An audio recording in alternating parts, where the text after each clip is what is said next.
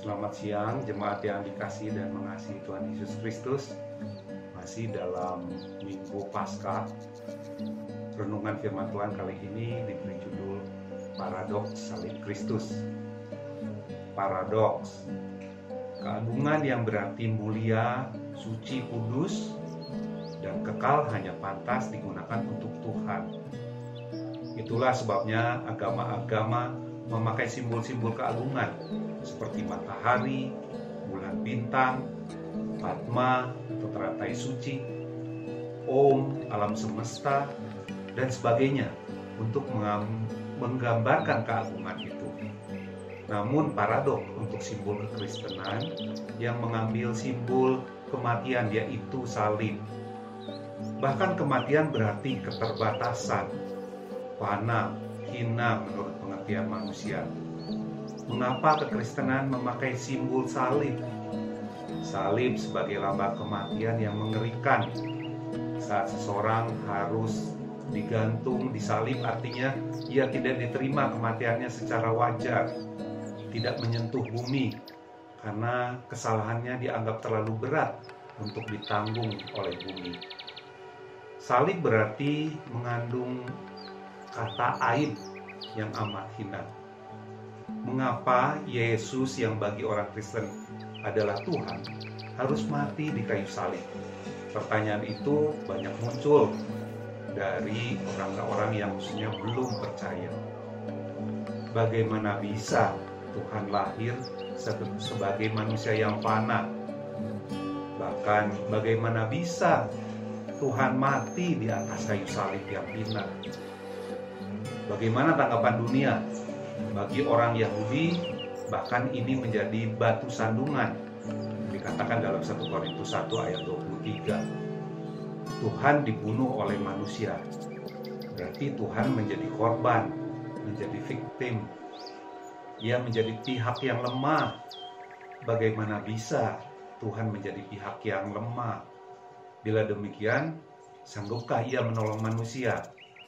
Namun sesungguhnya Yesus wafat bukanlah sebagai korban, melainkan menjadi kurban. Arti kata korban sangat berbeda dengan kurban. Kata kurban Kristus dalam pengertian orang percaya adalah wujud rekonsiliasi antara Tuhan dan umat manusia yang terpisah dari Sang Pencipta akibat dosa. Kemudian, bisakah manusia mengupayakan sesuatu untuk menggantikan maut sebagai konsekuensi dari dosa dengan kurban-kurban itu, baik hewan ataupun lainnya untuk menebus dosa-dosanya? Kurban harus tidak bercacat melampaui segala sesuatu yang bernilai tinggi, bukan dari sesuatu yang bisa diciptakan oleh manusia, baik secara fisik maupun buah pikirannya. Bahkan kurban itu harus cukup untuk menebus seluruh dosa umat manusia, bukan hanya untuk menebus seseorang atau beberapa orang saja, namun seluruh umat manusia.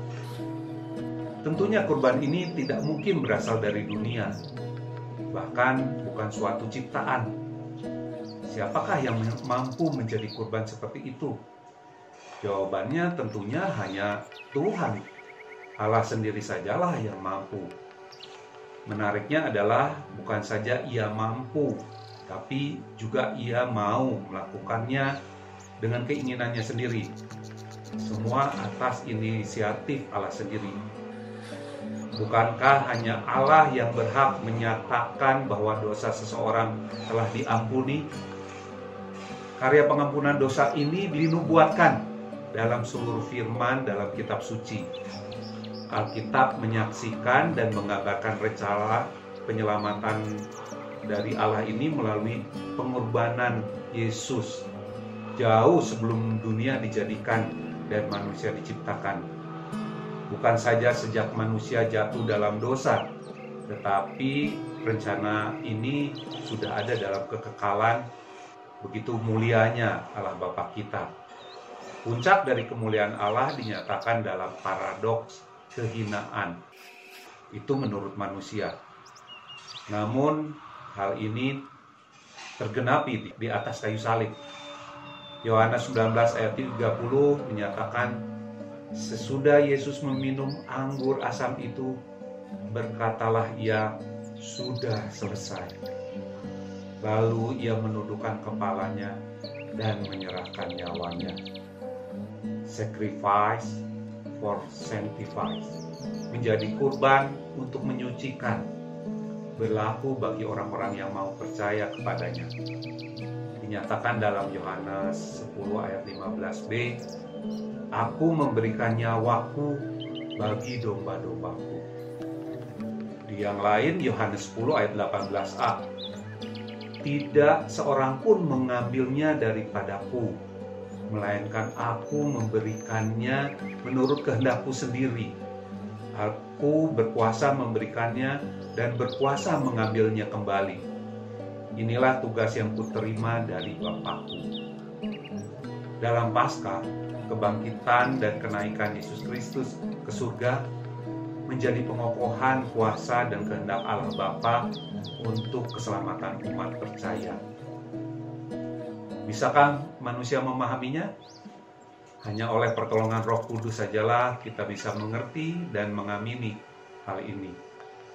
Percaya sepenuh hati, bahkan terlebih lagi kita menyatakannya, bersaksi akan kasihnya yang besar itu, memikul salib kita, mempraktikkan kasih Tuhan kepada sesama. Hanya oleh penebusan dan kematian Yesus Kristus yang sehakikat, sederajat, dan melekat dengan Allah Bapa saja, anugerah keagungan ini terjadi. Haleluya. Amin.